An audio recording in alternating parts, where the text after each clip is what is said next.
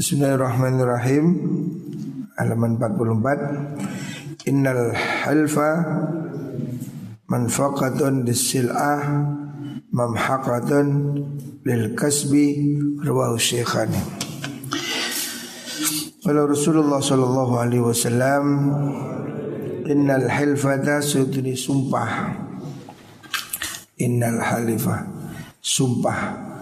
Bersumpah Iku manfaqatun Mayo akan mem Membuat Laku Lisil ati maring dagangan. Orang jualan bersumpah Mungkin akan menjadi laku Atau menimbulkan kepercayaan. Tetapi mamhaqatun lil kasbi mamhaqatun iku kang lebur lil kasbi maring penggawean maksudnya berkahnya ya. Artinya orang berdagang itu tidak diperbolehkan sumpah. Hukumnya makruh. Walaupun dia itu benar.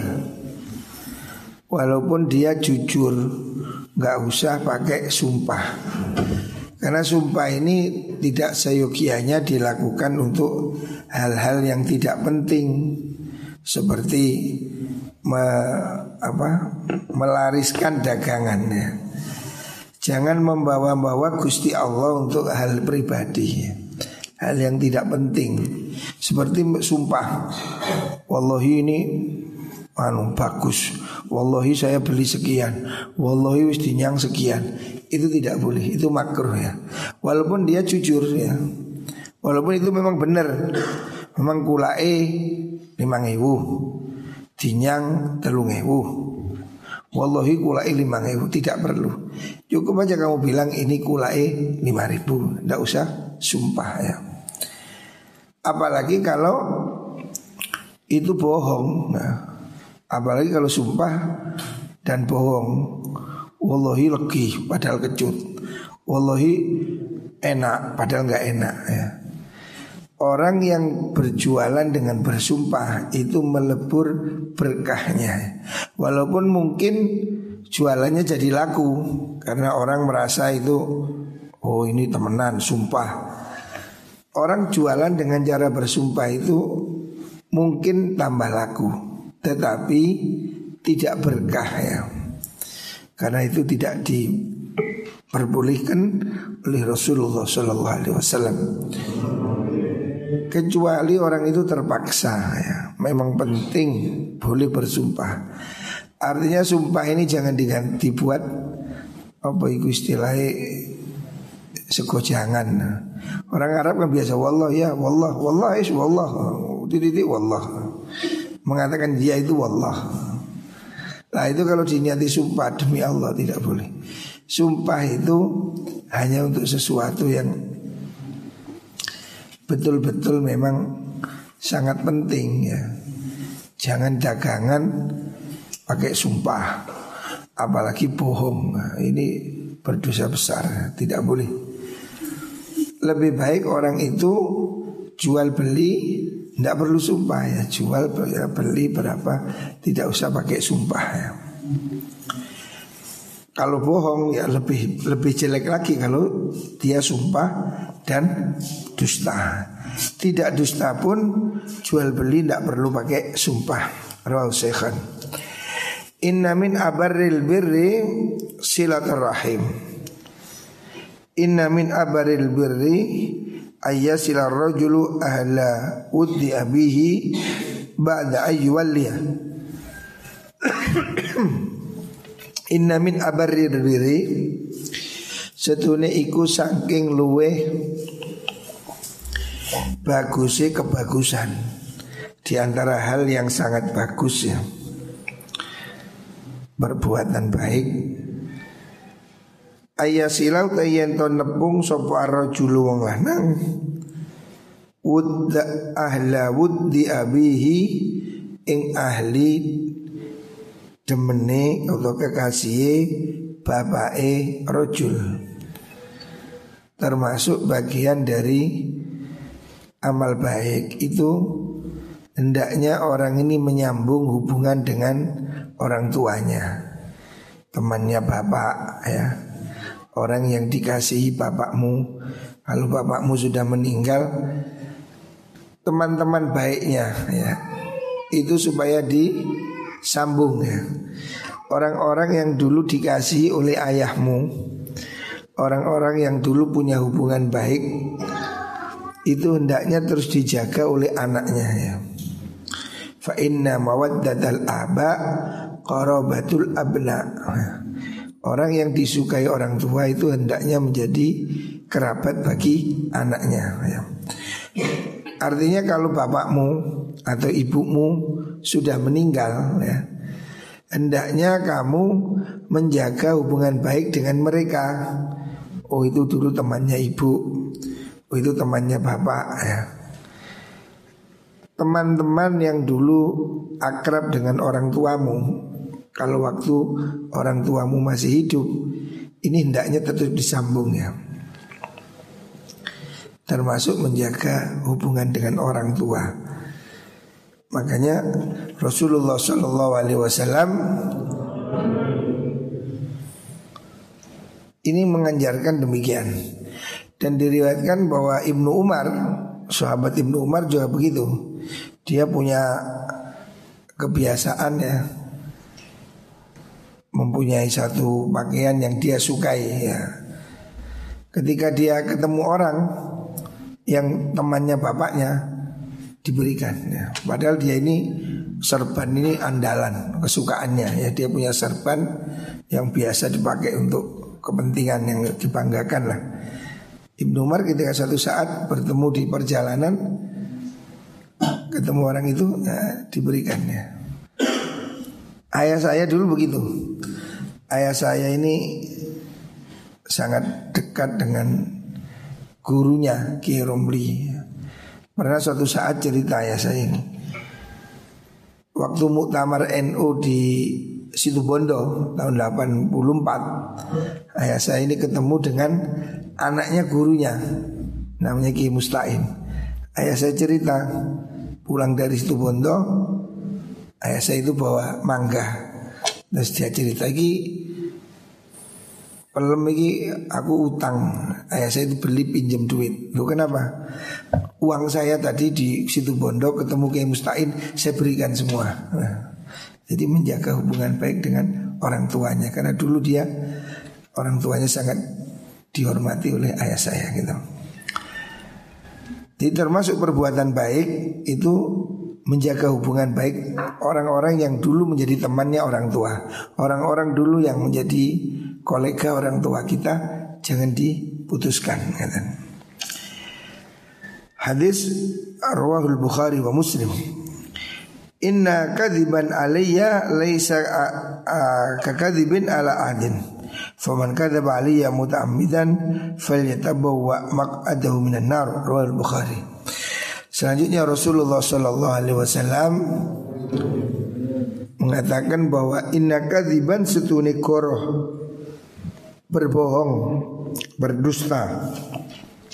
Siapa orang berdusta ya.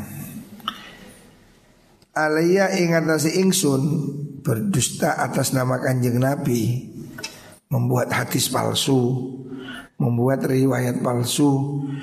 Iku laisa ora ono apa iku bin koyok goro ala ahadin ing atase wong wong suwiji. Maksudnya bohong atas nama nabi ini pahala oh kok pahala dosanya ya. Dosanya jauh lebih besar. Orang bohong bawa-bawa nabi untuk jualan. Oh, Rasulullah mengatakan khasiatnya terong adalah oh, begini begitu. Bakul terong bikin hadis palsu bawahnya. Terus itu eh bakul lombok bikin hadis. Kalau Rasulullah lombok adalah Allah itu tidak boleh. Jangan berbohong atas nama Nabi. Berbohong pada Nabi atas nama Nabi itu jauh lebih jahat dibanding orang lain. Karena apa? Itu akan membuat orang tertipu ya. Orang bohong dengan bawa nabi. Ini lebih berbahaya ya. Siapa orang berbohong atas nama Nabi Faman kadzaba alaiya Faman desa peniwong u kadzaba koro Sopaman alaiya ingasi ingsun Muta'amidan hali sengojo Siapa sengaja berbohong Membuat hadis palsu Membuat riwayat palsu Falyatabawwa mak'adahu minan nar. Falyatabawwa mongko becik Ngenggoni sopo wong mak adahu ing penggonane wong gondungi wong minan nari saking neraka. Siapa orang berbohong pada nabi berbohong atas nama nabi ya menggunakan hadis palsu mengarang hadis palsu itu diberi tempat khusus di neraka dijamin masuk neraka termasuk kabair termasuk dosa besar. Apalagi atas nama Allah Bohong atas nama Allah Umpamanya mengatakan bahwasanya whisky itu halal. Ini kan bohong. Allah mengatakan haram. Ada orang Allah berfirman bahwa babi halal Nah ini bohong atas nama Allah Ini bahkan lebih berat lagi Bukan hanya dosa Bisa menjadi kufur ya. Karena dia mendustakan Gusti Allah Inna minal bayani la sihran wa inna minas syi'ri la hikmatan. Riwayat Bukhari. Inna minal bayani setune iku setengah sangking bagusi omongan ya. Bayan itu kan ada ilmu balaghah ya, batik ma'ani bayan. Bayan itu kefasihan berbicara ya. Ada orang yang bicaranya itu enak ya. Enak dan menyenangkan. Orang sing enak tapi greget no. Kayak telo. Empuk tapi nyereti. Ini yang enak tenan, maksudnya enak yang orang bicara itu lancar, enak, menyenangkan seperti Rasulullah Shallallahu Alaihi Wasallam. Kanjeng Nabi itu bicaranya jelas, nggak bulat, nggak nggak pelintat pelintut ya. Nabi itu bicaranya jelas bayan. Nah, inna minal bayani setune iku sangking bayan, keterangan, ucapan yang jelas. La sihran yakti ono sihir. Maksudnya ucapan yang bagus itu bisa mengsihir orang lain. Orang ini bisa tersihir oleh ucapan. Orator-orator yang pidato itu kan bisa menggerakkan orang pemberontakan itu kan dengan ucapan yang kuat ya. Bung Tomo menggerakkan perang itu kan bayan. Jadi orang yang diberi kelebihan kelihayan berbicara ya itu minal bayan nasihron ada sihir maksudnya bisa meluluhkan ulama gitu. Bukan berarti sihir itu haram ya bukan. Sihir itu jelas Maksudnya sihir haram jelas. Artinya ucapan yang baik bukan berarti haram seperti sihir nah, Bukan begitu Maksudnya Nabi hanya menjelaskan Innal bayanila sihron itu Bukan berarti ucapan yang fasih itu haram seperti sihir Tidak Sihir kan jelas haram Tapi innal bayanila sihron Maksudnya ucapan yang baik itu bisa membuat hati tertarik gitu. Orang ini kalau mengucapkan ucapan yang bagus ya Pasti membuat orang itu tersihir Terkesima. Nah, Bahasa sekarang terkesima ya. Artinya bagus. Orang itu belajar keterampilan bicara itu bagus ya. Salah satu keterampilan penting ya Yang harus kita miliki itu keterampilan berbicara, seni mempengaruhi orang lain. Itu penting. Nah, kadang ada orang walaupun pinter tapi tidak bisa mempengaruhi orang. Tidak bisa meyakinkan orang sehingga dia tidak bisa diterima atau sulit diterima di masyarakat. Tapi ada orang dengan bahasa sederhana, deso, disukai orang. Ya kayak Pak Jokowi kan gaya kan deso. Kok mendeki-deki. Tapi kan ya ada orang yang memang ngomongnya lugu, polos tapi menyenangkan ya.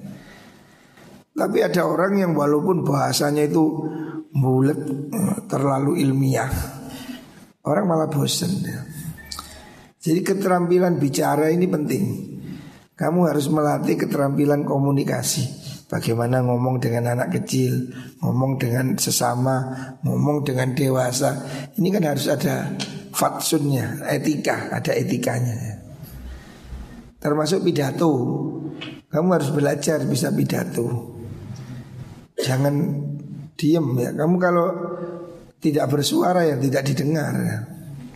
Jadi kamu harus bersuara, menyampaikan kebenaran, berdakwah, sampaikan ya.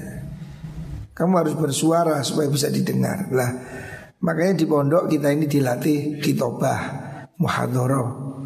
Harus dilatih.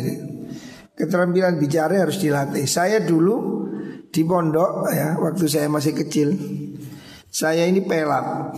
Tahu pelat ya? Saya ini sejak kecil tidak bisa ngomong R.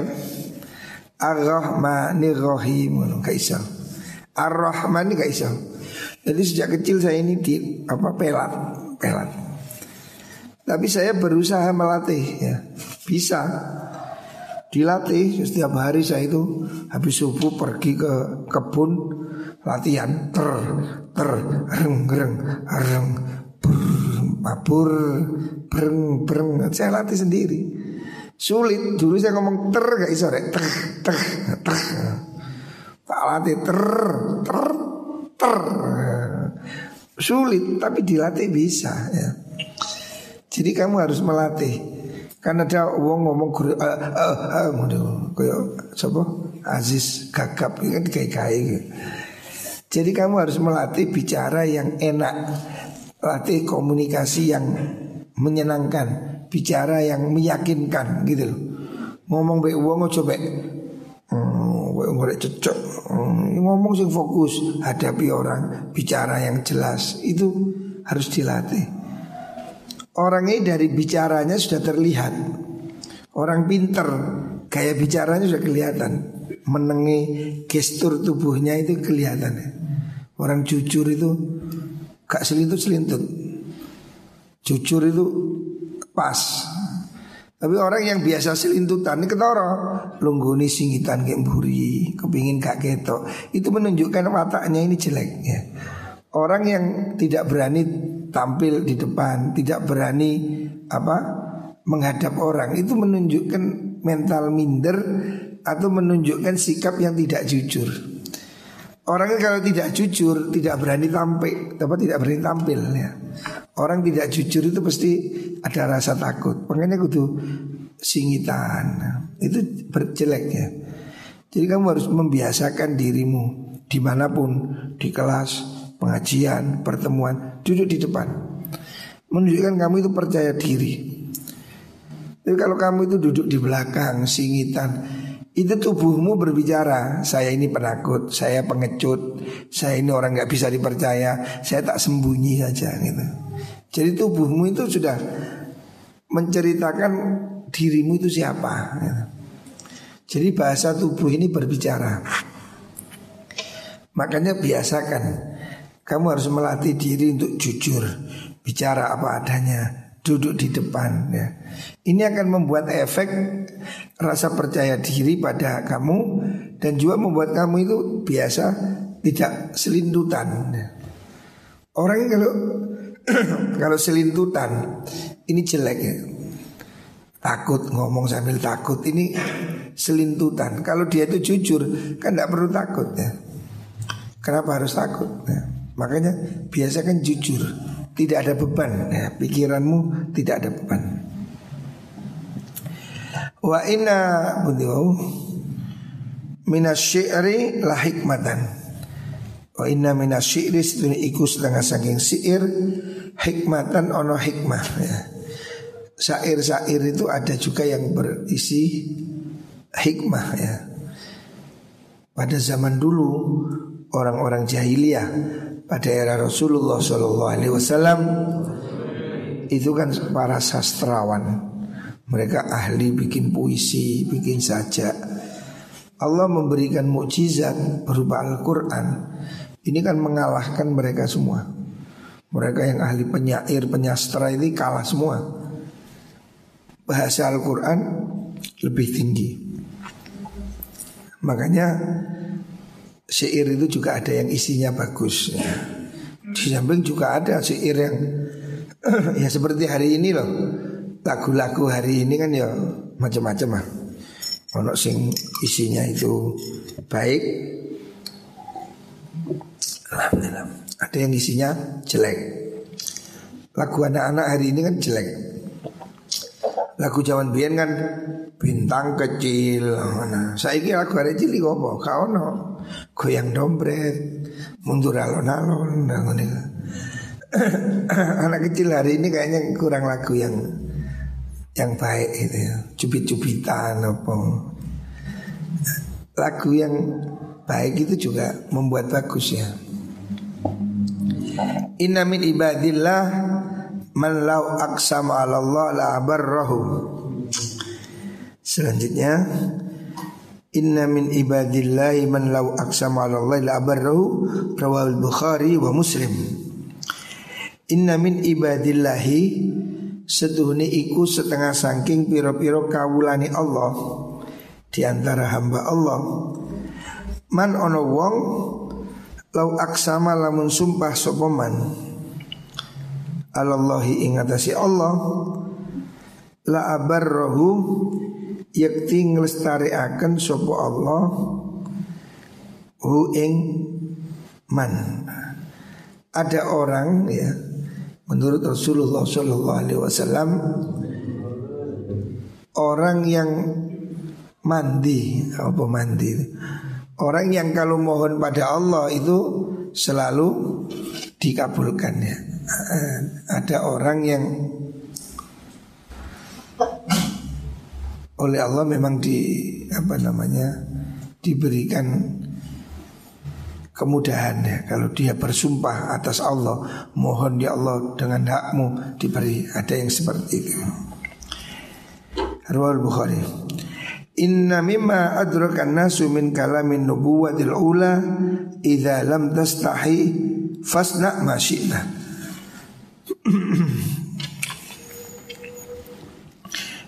Inna mimma adrakan nas Sejune iku setengah sangking perkara. Inna mimma iku setengah sangking perkara. Adro kakang nemu. Sopo anasu menungso min kalamin nubuwati sangking dawuh kenabian. Ada ucapan yang sejak zaman dahulu Itu benar ya Kalamun nubuwah itu.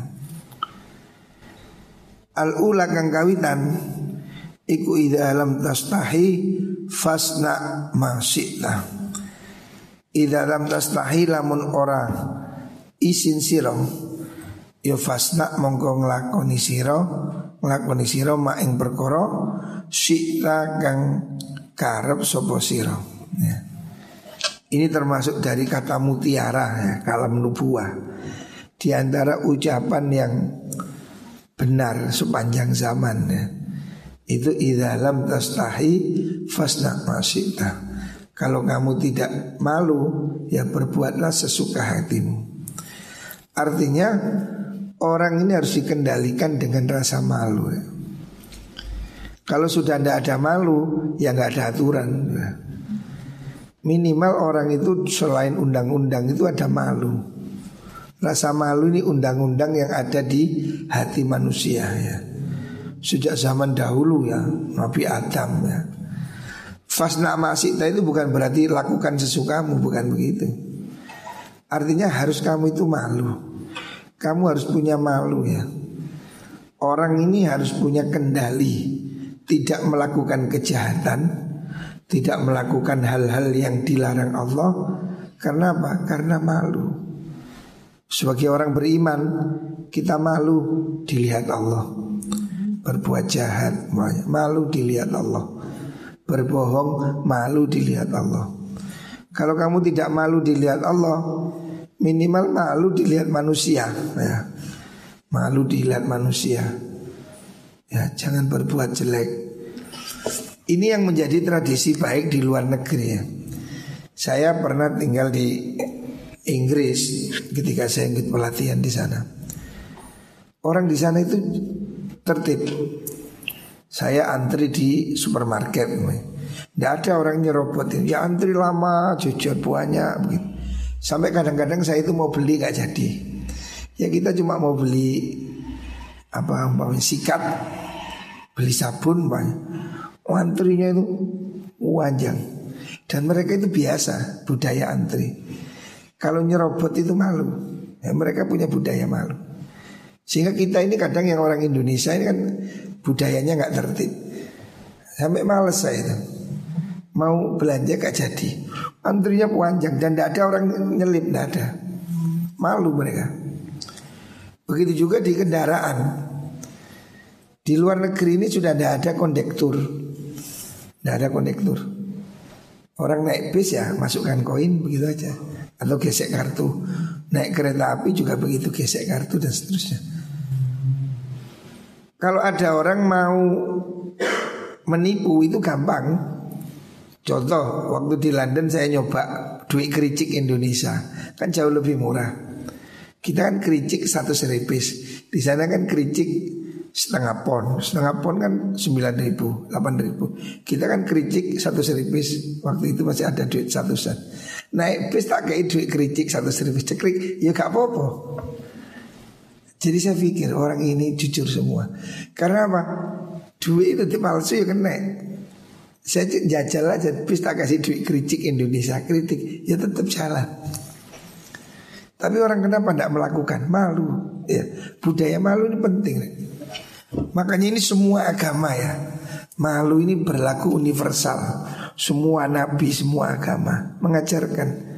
Kamu harus punya rasa malu Itu yang membuat negara di luar itu tertib Saya pernah naik kereta api dari Saya dulu tinggal di Lister Saya pergi ke Newcastle Naik kereta di kereta itu kan ada kereta bisnis, ada kereta ekonomi. Saya naik kereta ekonomi. Gerbong depan saya bisnis, kosong blong, kereta sepi. Saya itu coba aja iseng duduk di kereta bisnis. Tak pikir nanti kalau ditegur ya pindah belakang lah. Mau saya turis tidak tahu sorry kan biasa. Tidak ada yang negur. Saya pikir loh orang sini kok jujur semua ya. Tidak ada orang duduk di kelas bisnis walaupun kosong. Mereka diajari jujur. Saya tanya kenapa mereka kok nggak mau melanggar? Malu. Jadi dia punya malu. Penting orang punya malu. Tanpa agama pun ya. Kalau orang punya malu sudah jadi baik ya. Akal budi manusia ini menuntut jadi kamu baik ya. Malu gitu. Sayyidina Umar pernah nyoba menggoda anak gembala. Ada gembala kambing. Kambingnya ratusan. Umar mengatakan nih gembala saya nempil kambingnya dua.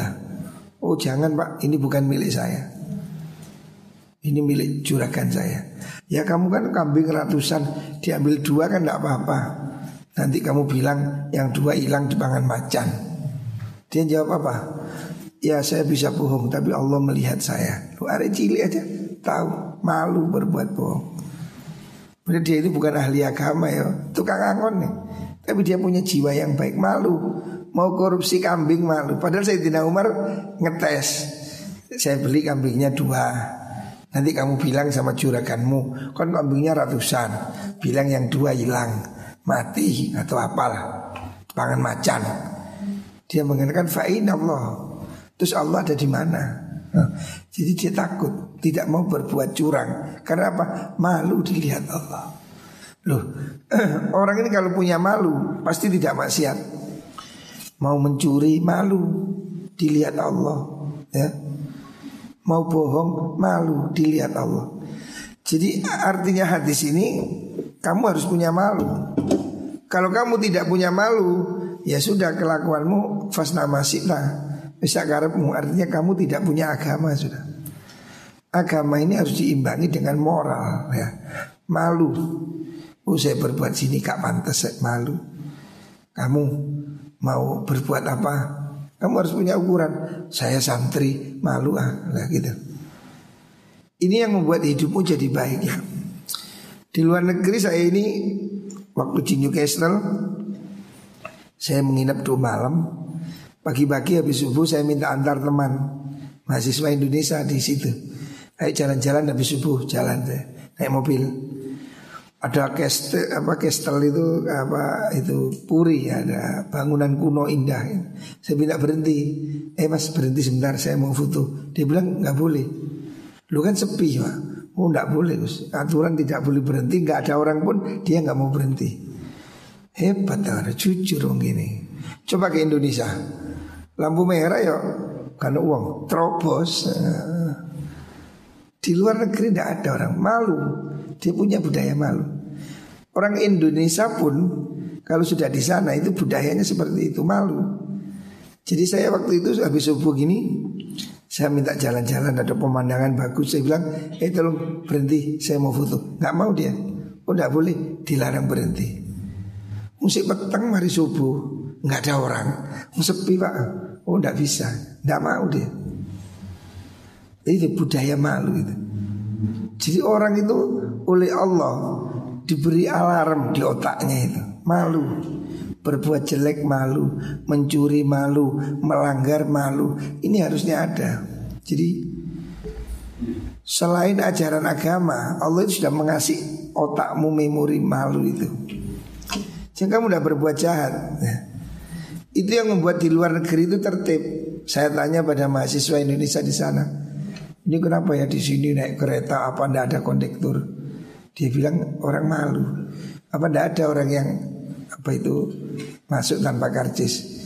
Jarang Gus. Kenapa? Malu. Nanti kalau ketemu malu. Jadi malu itu penting. Walaupun mereka tidak taat beragama tapi mereka punya rasa malu ya. Rasa malu ini sangat penting. Supaya kita ini bisa mengendalikan diri kita ya. Ini kalam nubuah ya. Kalam hikmah yang ada sejak zaman dahulu.